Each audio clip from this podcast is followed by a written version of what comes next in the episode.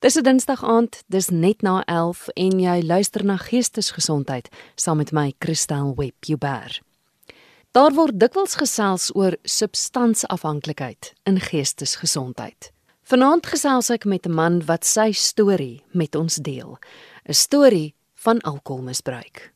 Uit die aard van die saak staan hy bekend as anoniem en terwyl van sy gesin het ek sy stem verbloem. Jy stap al van kleintyd af 'n pad met alkoholisme of alkoholmisbruik. Vertel my daarvan. Ja, Kristal, ek het 'n pa gehad wat ehm um, daarvan gehou het om te kuier saam met die manne. Hy het ehm um, 'n uh, targees gehad, so die alkohol het hom 'n karakter gegee wat hy van gehou het. Hy as pa het nie 'n uh, pa gehad nie en ek dink dit was baie keer die rede hoekom hy um alkohol moes gebruik het om 'n karakter te kry om te kan weet hoe om op te tree. Ek dink het baie slegte selfbeeld gehad in die deel en ek dink die alkohol het vir hom net 'n uh, um 'n beter karakter gegee. Ek as kind het dit ervaar as 'n pa wat baie loud is baie keer en baie keer beklei. Hy en my ma kon verskriklik beklei. ek kan onthou as klein seentjie ek um, in die aande gebid het tot die Here en gevra het asseblief tog gryp net in want hierdie ouers uh, beklei verskriklik. Ek bedoel dit het net vir my um, dit was vir my nogal 'n emosionele ding gewees. En jy sê nou die lang pad wat ek daarmee stap, ek dink nie ek kan my lewe indink sonder die woord alkohol nie. Dit was my nog altyd daar. Ehm um, nie net my pa nie, maar ook sy um, familie en ehm um, ook aan my ma se kant van die familie. So alkohol was nog altyd net daar. Dink jy gene speel 'n rol? Ek dink definitief so. Ehm um, ek het uh, op 'n stadium met iemand gepraat wat kennis het van ehm um, alkoholmisbruik en dit was vir my skok geweest die dag toe ek met haar gepraat het om te hoor hoe hoe uh, sterk die geen actually is vir alkoholisme. Dis amper asof jy onbewustelik definitief dat pad gaan loop. En ek dink van my kant af met albei kante van my familie wat um, alkohol misbruik het was dit net amper onvermydelik. Al het ek goed daarteen gestry. Ek het alkohol gehad. Ek het myself beloof as klein seentjie dat ek dit nooit um, sal misbruik nie. Want op daai stadium dink jy aan misbruik jy dink dit van ek sal nie alkoholist word nie. Um, Maar ja, die samelewing het mos maar 'n maniertjie om jou ou biertjie te laat drink. en ek dink ek het my eerste bier gedrink. Ja, ek dink ek was 12 of dalk 14. Ja, en vroeg in my lewe al hard begin kuier um, in klubs en ja, en dit gee ek het ook maar 'n slegte selfbeeld en dit gee mense ehm um, net 'n opstoot dat jy dinge doen wat jy nie normaalweg sou doen nie of dinge sou sê wat jy nie normaalweg sou sê nie.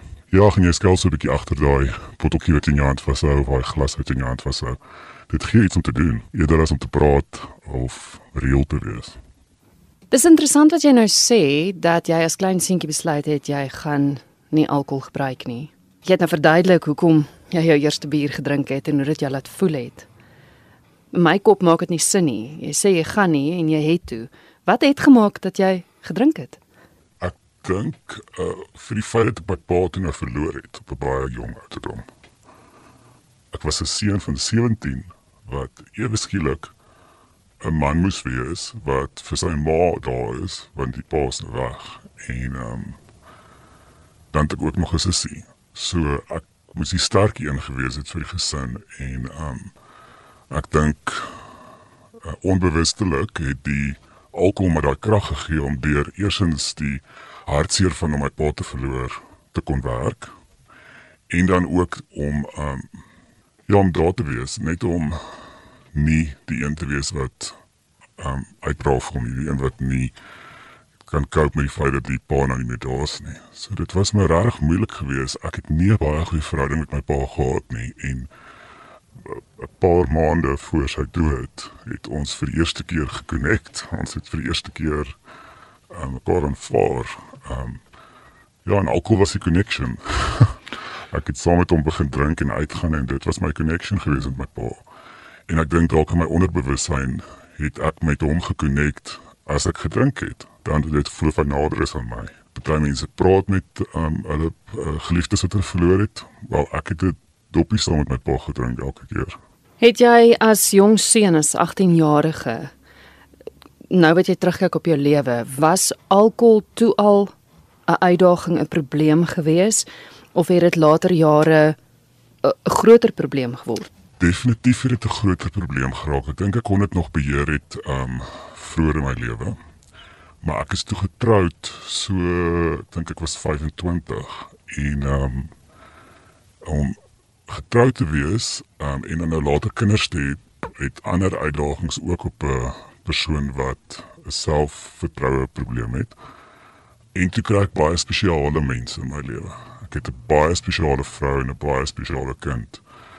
Hulle het ander uitdagings wat nie normaal is nie. En dit het my nog meer laat drink sodat ek kan kan cope met my dag tot dag bestaan. As ek nie gedrink het nie, kon ek nie cope nie. So dit was vir my soos wat iemand 'n energiedrankie drink, het ek alkohol gedrink. En dit het my laat cope want ehm um, ek kon op daardie stadium my dag indink sonder iets om te drink nie. Op watter punt het jy besef dat hierdie is 'n probleem? So ek en my vrou was 9 jaar getroud, dalk 10. Ehm toe ons nou reeds kinders, toe het dit bietjie moeilik gegaan in die huwelik want obviously is daar nou heeltyd alkohol. Maar ek het nie op daai stadium enigsins vermoed eers dat dit die probleem is nie. Ek het gedink ons het couples terapie nodig. Wel my vrou het gedink ons het couples terapie nodig. Sy het my um, vrywilliglik verplig om saam met haar na 'n terapeut te gaan. Nou ek is klein seentjie het baie keer met sielkundiges gepraat en ek het geen goeie ding te sê oor 'n sielkundige nie. Um, jammer vir die sielkundiges daar buite, maar ja, dit het net nie vir my gewerk nie. As my verwysingsraamwerk met 'n sielkundige was, um, jy moet nou lank sad stories vir vertel en dan gaan hulle jou op medikasie sit of whatever of hulle gaan net vir jou sê oor die eintlik jy crazy. So ons is nou die terapeut toe, ek en my vrou en ons het al gesit en dit het presies so gebeur. Hierdie ehm um, ek dink sy was so sielkundig en sy was meer 'n terapeut. Ehm um, sy het my glad nie verstaan nie en ek ook nie vir haar nie en inteendeel die vrae wat sy gevra het het vir my glad nie gevoel het van toepassing is op die probleem wat ek en my vrou het nie en sy het inteendeel meer oor haarself gepraat as wat sy oor ehm uh, weet met ons gepraat het oor ons probleme. So ek was obviously baie geïrriteerd en ek was op op 'n punt was ek actually um emosioneel so kwaad was ek. En ons storm toe in die ontvangsarea in nadat ons toe nou hierdie gesprek gehad het met die vrou. En ek dink ek het daar 'n bietjie van uh op 'n oomblik gekrak, soos 'n emosioneel geraak. En daar het hierdie hierdie vrou in die ontvangs ingekom en sy het my gehug, sy het my 'n druk gegee. Dis nou pre-COVID. Um het sy my 'n druk gegee en dit het vir my gevoel soos dat ek vir dit is vir my gevoel asof sy my glad nie judge nie. En as sy my wil help. Sy het gevoel soos iemand wat ek ken wat ek net nog nooit ontmoet het nie. En ek en sy het toe gesels en sy het uh, ingestem om my bietjie uh, geleentheid te gee in sessies om bietjie te gesels oor um, sommer alles. So ons pad het toe saam begin, ehm um, wat ons uh, sessies ehm um, net gesels het oor oor my kinderjare en ehm um, en so aan. En hierdie sessies het dit male sonder taal uitgekom dat ek eers op plekke baie slegte selfbeeld het. Ek dink my eerste opdrag was ek moes myself in die spieël kyk en vir myself sê dat ek lief is vir myself En daai was jy hoor ek kan dit amper nou nie sê nie. Omdat ek daai ek onthou daai ou. Ek onthou hoe sad was hy. En as ek nou praat van hom dan is dit so ver weg van my af. En hoe kom ek in sneeu raak is omdat ek weet daar's mense daar buite wat nou so voel. Wat nie vir hulself kan sê dat ek van myself hou nie. hierdie terapie het my gehelp om deur 'n proses te werk waar ek in die eerste plek al die badges en stickers en name wat mense my genoem het in my lewe van my af af te trek sodat ek gestroop word van hierdie etikette wat mense aan my gesit het. Nou ek is as klein seentjie baie geboelie op skool. Daai was diep gewortelde vrees en ja, ek moes deur elkeen van daai goed werk. Elke liewe woord wat my gesê is, soos jy's 'n niks werd of jy gaan niks van jou lewe maak nie. Ehm um, jy's arm, jy's lelik, jy's daai goeters. Ek uh, het toe na daai sessies toe ek nou meer verstaan van wie ek regtig is, het ek mal sonder taal weer eens besef dat ek vermoed dat ek 'n probleem met alkohol het. Ekskuus ek val in jou rede, so tot op daai punt het jy terapie sessies bygewoon, nog steeds nie met die gedagte dat alkohol 'n probleem is nie, maar deur die sessies agtergekom toe dat dit wel 'n probleem is. Ja, nee, ek het nooit gedink ek het 'n alkoholprobleem nie. Ek het al die voorbeelde in my hele lewe gehad van om nie 'n alkoholist te wees nie. So dis die laaste ding wat ek vir myself gedink het. Dat ek gehou het van alkohol, 'n feit. My gunsteling drankie was ehm um, uh, Chardonnay. Um, ek kon uh, met 'n glas wyn enigiets doen. Ek kon man, ek kon soms by kinders op die trampolien spring met 'n glas wyn in my hand. Maar dit was nie vir my probleem nie. Maar die vraag wat opgekom het wat my terapeut my gevra het was hierdie antwoord die antwoorde elke keer opgekom van maar wat van as jy dit nie gebruik nie wat van as jy nie nodig het om dit en dit en dit nie ek dink dis waar die die idee begin posvat het in my kop is as ek dan sê alkohol is nie die probleem nie haal alkohol uit die storie uit en kyk dan hoe werk dit dan 'n mens hoef nie te funksioneer met alkohol nie. Jy moet funksioneer met kos en water, maar jy het nie nodig om alkohol te drink nie. So kom ons detox dan nou van als en ons begin van voor af en ons sit goed by wat werk in jou lewe. En ek moes besluit dat alkohol is een van daai goed wat ek eers bietjie gaan moet uithaal uit my lewe uit. En ek dink dit my laat besef maar ehm um, dat dit 'n probleem is. Want hoe het jy reageer die oomblik as jy nie kon drink nie? Ja, ek dink ehm um, jy kan jouself toets nadat jy hierdie gehoor het. Ehm um, so wat is jou eerste gedagte as jy nou klaar gewerk het die dag en jy's na pad huis toe? Wel ek kan net antwoord. Myne was daai eerste glas wyn wat ek gaan drink. Nie my vrou wat ek vir die eerste keer gaan sien vandag of my kind wat ek gaan sien vir die eerste keer vandag nie. Daai glas wyn.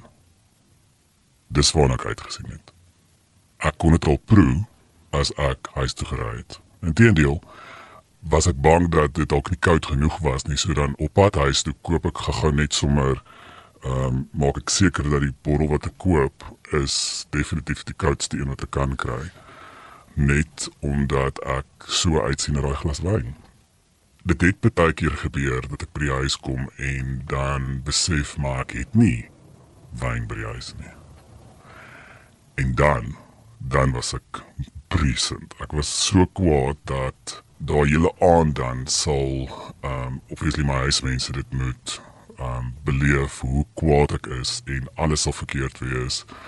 Ja, so die feit dat ek dit nie kon gebruik nie, het my baie baie baie kwaad gemaak en ek het eintlik nie geweet hoe ek deur hierdie aand gaan gaan sonder daai glas wyn of 2 of 3 nie.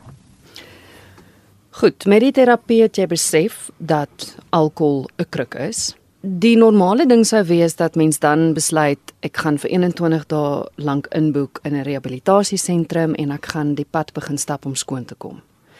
Jy het nie jouself ingeboek in 'n rehabilitasiesentrum nie. Hoekom nie en vertel asseblief van van hoe jy dit dan reg gekry het want soos ek en jy nou gesels as jy as jy in jou 4de jaar van sober wees. Hoe het jy dit reg gekry sonder 'n rehabilitasiesentrum? So met my sessies met my terapeut het ons toe so na ek sal sê 4 maande het ons 'n um, 'n ander terapeut ingenooi in ons gesprekke in omdat ons mos nou vermoed het dat ek voel dat ek dalk alkohol misbruik. Die vrou wat by ons aangesluit het, werk juis met mense wat ehm um, alkohol misbruik en ook ander substansies soos dwelms, kos, maar daar's ewen social media kan vir 'n probleem raak. So werk met al hierdie afhanklikhede en ehm um, ons gesels te begin met daar en uh, my terapeut het net vir gevra om my te verduidelik die belangrikheid van om te weet hoe sterk die gene ding impak maak in jou besluite van om alkohol te gebruik of nie te gebruik nie. Ja, ek dink daai was net vir my van uh dis definitief iets wat ek gaan moet gaan moet doen. Ek gaan net moet vir 'n ruk nie drink nie. As ek dit aan myself kan bewys, dan kan ek dalk agterkom wat's ander probleme in my lewe. En sy het 'n groep wat sy noem die Simkas. Dit is 'n groep mense wat op 'n maandag aand bymekaar kom en op 'n donderdag aand bymekaar kom. En ehm um, weer eens dit is alle verskillende afhanklikhede wat bymekaar kom. Dit is nie net almal wat 'n alkoholprobleem het nie. En dan gesels ons met mekaar oor die uitdagings van om in die normale wêreld daar buite op te hou met die afhanklikheid te hê. Van hierdie mense in die groep was al vir 21 dae proses, maar dit was onsuksesvol. Ehm um, so hulle gee hierdie ook dan 'n kans. Ek dink omdat ek nie myself gesien het as 'n alkolikus nie, het ek nie gevoel dat ek ek wou hierdie eerste kans gee. Ek wou nie full blown in dit wanneer daar gaan doen by 'n uh, instansie en dan moet ek uitkom en dan moet ek in 'n geval aanpas nie. Ek voel baie keer as jy ehm um, uit die samelewing uitgehaal word en dan ge geterapie word om jou reg te stel en jy kom dan terug in jou werklike wêreld dan gaan jy twee keer deur daai proses van verandering en aanpassing en al daai goed. So ek het eerder gevoel ek gaan my lewe 'n terapie sessie maak en ek het almal rondom my daarvan vertel sodat terwyl ek in die sessies of terwyl ek in die in die prosesse van om sessies by te woon, kan hulle my bystaan en kan hulle my help om in die normale wêreld uh, gesond te word um, en nie in 'n vakuum waar jy beheer word en dan later dan gaan ek in 'n geval moet aanpas tussen die normale mense daar buite nie. Ek wil net sê vra, jy het iets interessants gesê dat jy het besef met 'n terapie sessie en veral toe die tweede vrou bygekom het dat jy gaan vir 'n ruk moet ophou drink. Hm. Op watter punt het jy besef dat hierdie gaan nie net 'n tydelike ding wees nie. Ek gaan moet ophou drink vir altyd ek dink die dag toe ek toe nou besef het dat maak nie saak hoe ek hierdie wil sugarcoat of ehm um, mooi praat nie. Hierdie ding het 'n manier om ehm um, baie maklik weer deel van jou lewe te word. So dis nie iets wat jy jy kan nie gefiks word of van nie. Jy gaan vir altyd, vir altyd gaan jy die besluit moet maak dat ek nie vandag drink nie. Ek is nou meer as 3 jaar is ek ehm um, vry van my afhanklikheid maar ek kan vanmiddag terugval in my ou gewoontes. Die relapse proses is van so 'n aard dat as jy een verkeerde besluit maak, is dit asof jou hele ehm um, uh, huis van kaarte in mekaar sal val. En wat jy net so ehm um, weer sal relapse. Dit het my baie kwaad gemaak in die groep. as ek daar gesit het en ek staan op 100 dae en my vriend wat langs aan my sit, uh, moet erken op daai dag dat hy Vrydag aand gerelapse het en weer gedrink het. Ek het so kwaad geraak dat ek op 'n stadium gesukkel het om die groepe by te woon want hierdie mense maak my so kwaad want as jy dan 'n besluit het om op te hou, hoekom doen jy dit aan jouself? Om net te relapse en te relapse en te relapse. So ek het al begin besef dat baie mense raak verslaaf aan die relapse proses. Hulle hou van die aandag omdat hulle elke keer kan relapse en as dit net okay, dan gaan jy net weer aan. Maar dis wat ek vir jou voorheen gesê het is die dag as jy dit self besef is dit net jy wat verantwoording dra daarvoor. Dit plan niemand anders of jy vandag nie gedrink het of nie. Dit vir jouself. So ek het hierdie proses weer eens ek dink kom ek het ook buitekante instansie gedoen het is ek het vir myself gedoen vir die eerste keer met my vrou en my kinders in my lewe het ek tyd gemaak vir myself want my terapeut het my geleer wees lief vir jouself nou vir dit wat jy lief is gee jy aandag vir dit wat jy uh, lief is, wil jy die beste hê. Die beste is om die beste weergawe van jouself te wees. En ek dink dis wat my dryfveer elke dag is, is ek maak hierdie besluit vir my. Nie vir my vrou of my kind nie. Ja, hulle trek voordeel daaruit, maar hierdie is vir my.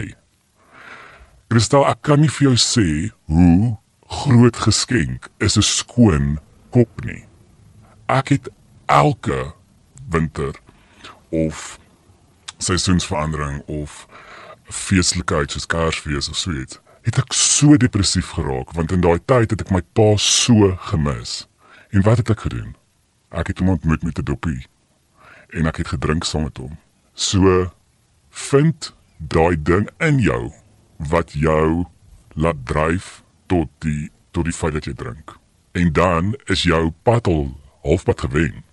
Want as jy daai regstel, dan het jy nie meer daai emosionele konnektasie tot die tot die afhanklikheid nie.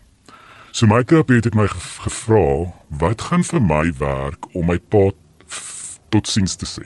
Nou my pa het in 'n fratsongeluk is hy oorlede. So ek moes daai fratsongeluk herleef deur ek moes iets fisies maak wat die koneksie is van dit wat al gebeur het en ek moes dit laat gaan. So in my geval was dit 'n fisiese ding wat ek moes maak en ek moes dit laat gaan en dit het toe nou gedestrooi. En die die feit dat ek gesien het dat dit gedestrooi het, het ek dit weg van my af laat gaan. Dis nie meer in my nie. My eerste naweek wat ek moes deur gaan sonder alkohol, het ek nie geweet hoe ek dit regkry nie. Hoe, hoe hoe gaan jy deur een dag sonder om te drink? En een van my uh, vriendinne by die sinkas het my gesê minuut vir minuut. En nou jouself net besig met enige iets anderste as jou afhanklikheid. So ek is 'n verskriklike kreatiewe mens en ek het begin om goeders te maak. So ek het 'n skildery gemaak van my probleem. my vriend het ek hom genoem. Um, ek het 'n brief vir hom geskryf om vir hom vaarwel te sê. Nie totsiens nie. Totsiens beteken ek gaan jou weer sien. Ek moes 'n brief skryf wat sê vaarwel my vriend. Dit was goed om jou te ken, maar jy was nie vir my goed nie.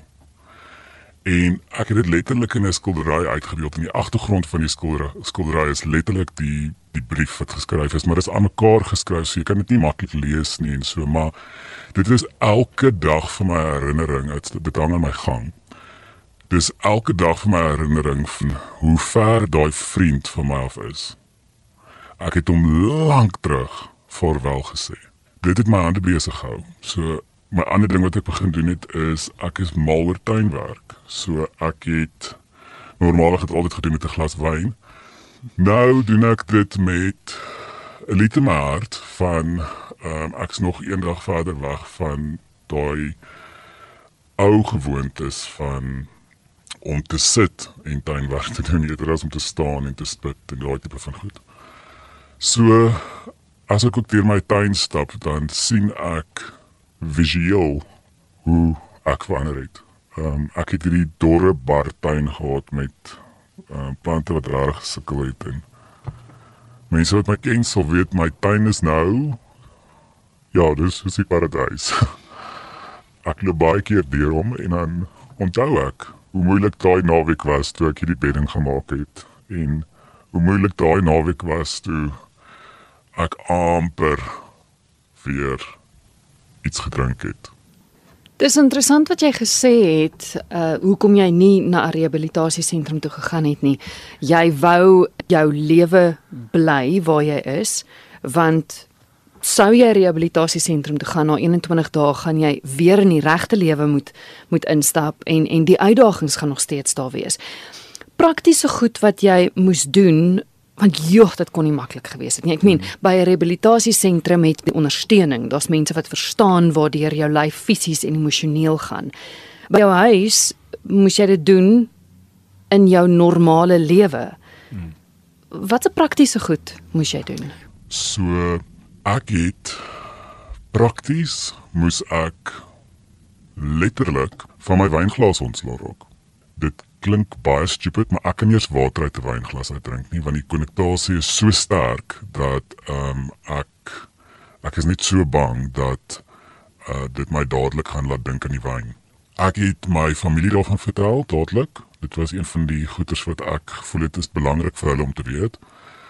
En baie van hulle het nie dit verstaan nie. Hulle het nie saam met my gestem dat ek 'n probleem het met alkohol nie. Inteendeel, het party van hulle nog vir my gesê nee, wat ek dink nie uit te voer nie. Ehm um, ek moes 'n breek van kuiers by my huis met alkohol. As jy met my wou kuier in die eerste paar maande, sou ek vir jou gesê het ek kan kuier en ons kan braai, maar ongelukkig nie alkohol wees nie. En ek moet vir jou sê die beste vriende en die naaste mense het jou genooi en dan het hulle self nie gedrink nie en daar was geen net geen alkohol by die kerk. En ons het oor heeltemal ander goed gekuier. Ons het actually so lekker gekuier.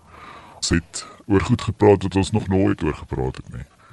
En natuurlik was ek gekonfronteer deur die feit dat ek dalk nooit weer met mense sal kan kuier wat dan nou nie saam met my kan kuier sonder alkohol nie. Weet jy, in daai vriendskappe het 'n stille dood gesterf en ek sou kyk daarmee want uh, die persoon wat ek nou is ek het dit ek het net nie daai uh, ek het nie daai negativiteit in my lewe um nie, ek wil nou nie klink asof ek sê ek het dit nie nodig nie maar ek is nie op die stadium reg daarvoor nie. Jy sê jy het dit vir jouself gedoen maar tog is dit 'n pad wat jy nie alleen kan stap nie jy het nodig om in die eerste plek hierdie um geheim wat jy soveel jare met jou saamgedra het met iemand te deel. Iemand wat jy kan vertrou en iemand wat jou kan um daaraan herinner. Iemand wat nader is as 'n uh, nette vriend. Dit sou eintlik beste wees as dit 'n lewensmaat is wat jy van weet, want hulle is altyd by jou. Maar hulle moes tog, ek bedoel in jou proses om op te hou as jy van jou wynglase en goed, hulle moes tog deel van die hele proses gewees het. Dis reg, maar jy moet ook met hulle deel wat daar gesê word in die terapiegroepe. Ons fokus altyd so op die mense wat die afhanklikheidsprobleem het. Ons fokus nie op die mense wat leef met hierdie mens met die afhanklikheid nie. So ek het totaal verander. Uh vir 'n paar maande kon my vrou my nie lekker verstaan nie. Um inteendeel, ek het al bietjie laat ja, so ek actually op 'n stadium vir myself vir my gesê dat sy voel ek het iets beter as sy of ek is beter as sy. Um nou dat ek opgehou het met hierdie afhanklikheid. Jy verander reg in die beste weergawe van jouself want vir die eerste keer kan jy nie terugval op um uh weet 'n substansie nie. Jy is heeltyd jouself. En dis kom ek vir vroeër gesê het ek is so dankbaar vir my skoon kop want ek is nie meer depressief nie, ek is niks van daai goed nie en dit kan nie inmeng op my besluitneming nie. So deel dit met die mense naaste aan jou of die persoon naaste aan jou. Dan moet jy ook so nou dan 'n sessie waar jy kan gesels oor dit wat hierdie week aangespreek is en um hoe jy dit in jou lewe gaan toepas sodat hierdie persoon ook heeltemal aan boord is met dit wat jy doen. Ja, en dan gaan jy as jy nou sterker raak, gaan jy nou dit moet begin met die wêreld deel. Want die wêreld, die wêreld is staf. dit is mos heeltemal oukei okay vir twee vriende nou om te sê, "Ag, kry my vir 'n glas wyn, dan gesels ons daaroor." Of ja, alles kan jy eintlik regdrink met 'n glasie wyn. Daar's 'n geslagsbreuke, Facebook is vol daarvan. Sosiale media is actually as jy op 'n punt kom wat jy alkohol raak sien dan is daar baie uh foto's en boodskappe op sosiale media wat jy heeltyd raak sien met alkohol. Mense neem selfies met alkohol. Mense wat kuier, daar's soveel alkohol op die tafel en dis al wat jy raak sien in daai tyd wat jy jouself moet detox van alkohol. Is jy sien net alkohol raak. En is op 'n stadium is jy so kwaad want hoekom mag die hele wêreld alkohol drink en jy mag nie? So jy gaan deur baie fases van aggressie en Ehm um, dan as jy weer hartseer daaroor, dan huil jy weer oor die feit dat jy nie kan drink nie en so aan. En ek dink dis ook waar jou kop dan verander van Um ek het dit gesê in die sessie is ek het uh, deel getrek van 'n uh, kerkdiens wat ek bygewoon het. Ons dominee het ons geleer dat as jy wil um verander, dan moet jy iets anders word. So kom ons vergelyk dit met as jy immigreer. So nou immigreer jy Australië toe. So as jy dit doen, dan word jy 'n Australianer of Australier. Jy is nie 'n Suid-Afrikaner in Australië nie. Want as jy 'n Suid-Afrikaner in Australië gaan wees, gaan jy alles mis van Suid-Afrika. Die weer en die taksies wat elke dag voor jou indraai en uh, Ramaphosa en jy gaan alles mis. Waar as jy 'n Australianer of 'n Australier word, dan embrace jy dit om nou in Australië te wees. So dan mis jy niks meer nie, want nou sien jy hierdie amazing goed. Dan is jy in Sydney en dan is jy in Melbourne en jy word dan soos soos hulle. En dis dieselfde met alkohol of misbruik van enigiets is jy word die persoon wat dit nou nie meer gebruik nie. So ek is nou 'n geheelonthouer. OK? So ek dink nou soos iemand wat nie drink nie. Ek dink nie soos iemand wat opgehou drink het nie. Want dan al wat ek dan doen is ek gaan myself net hartseer maak want ek wou nou eintlik 'n glas wyn gedrink het maar dan moet ek 'n glas Coke drink.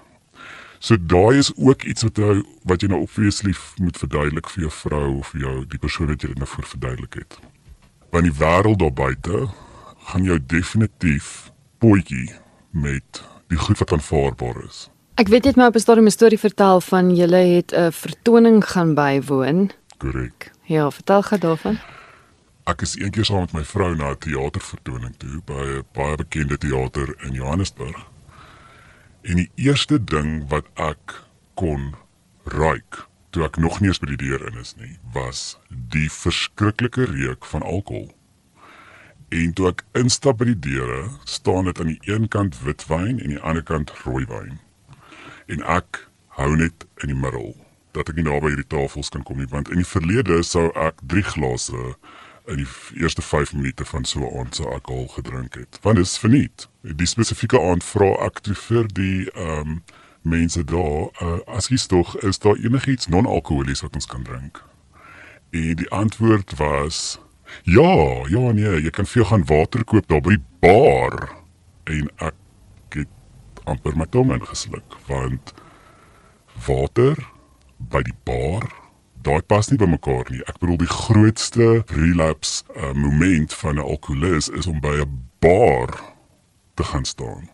Want dis tog daar waar jy jou substans gebruik het. So die wêreld het dit moeilik gemaak. Presies. En ek wil amper uh ek ja, ek wou op die hoogste berg geskree gestaan het en afgeskree het en gesê het, "Hoekom is dit aanvaarbaar dat jy jou wyn drink in jou kar klim en huis toe ry. Maar iemand wat afhanklikheid het van daai dit is verkeerd. So ja, daai het my verskriklik kwaad gemaak dat dit so aanvaarbaar is om wyn te drink eerder as water of koeldrank of enigiets anders. En dan die hele proses van gaan koop jou jou water, gaan koop jou water. Moenie kry nie water vir niks as jy wyn nie, jy moet dit gaan koop. Hoe bly jy gefokus? Want dis soos jy vroeër gesê het, dit is 'n daaglikse besluit om nie meer te drink nie. So ek dink um, dis hier waar dit 'n persoonlike uh, proses raak. Um, ek is 'n Christen en my krag kom van die Here af. En elke dag is 'n uitdaging en ek praat met hom en ek vra hom om te help net om deur vandag te kom. En weet jy, ek hou myself besig met positiewe goed in die lewe, soos ek doen verskriklik baie dienswerk. Dit gee my 'n doel van om aan te gaan. So ek vul my dag met positiewe goed en ek vul my dag om ander mense te dien. En dit het my nuwe ding geraak. So ek is konstant besig met die werk van die Here. En dit hou my gefokus op die regte ding. So wat ek daarmee probeer sê is is vul jou dag met positiewe goed. Um so vars wat jy kan. Begin te oefen. Begin te um gesels met mense wat jy normaalweg nie mee sou gesels het nie. Jy het 'n storie om te vertel my vriend. Um as jy deur um, afhanklikheid kan werk, het jy 'n getuienis. Ehm um, deel dit met mense, want met hoe meer mense jy dit deel, hoe meer mense dra die dra die getuienis van jou getuienis. En hoe meer mense het jy om ehm um, deel te maak van jou suksesverhaal. Dis ook hoekom ek met jou wou gesels het want dis 'n storie van hoop en dis ook 'n bewys dat ja, rehabilitasiesentrums is daar en dit werk vir 'n klomp mense, maar jy kon dit op 'n ander manier doen, jy kon dit regkry. Ek wil hê ons moet afsluit met met so 'n laaste boodskap van hoop. Iemand wat luister na jou gesprek en hoor die pad wat jy gestap het. Miskien dalk besef dat hm, dalk het ek 'n probleem. Watter boodskap het jy vir daai persoon? Ek wil jou uitnooi om vir jouself daai dreaded vraag te vra van kan ek sonder hierdie of daai ding? En as jy die antwoord kry dat jy nie kan nie, dan weet jy dat dit 'n probleem is en dat dit iets is wat jy nie sonder kan klaarkom nie. En dan moet jy die proses begin deur te verstaan hoekom is hierdie ding vir jou 'n probleem. En my my boodskap van hoop is die wêreld is baie beter sonder jou probleem. Um, ons is so geneig om ons gelukkig te koop, gelukkig te drink, gelukkig te party, maar jou geluk is in jou kop en jy dink jouself gelukkig. En ek dink dis wat ek wil sit daar buite is niks anderste geen substans geen dwalm kan jou so gelukkig maak soos jou eie gedagtes nie so vul jou kop en jou gedagtes met positiewe goed en met positiewe gesprekke hierdie gesprek byvoorbeeld met jou is 'n positiewe gesprek ehm um, ja dit het saak begin maar ons almal het 'n saak kant van ons lewe Die Here het altyd 'n manier om jou negatiewe in 'n positiewe te draai. So ek voel my doel is om met ander mense te praat en nie op verhoor nie, maar so een tot een om net motivering te wees van jy is sterker as wat jy gedink het jy is.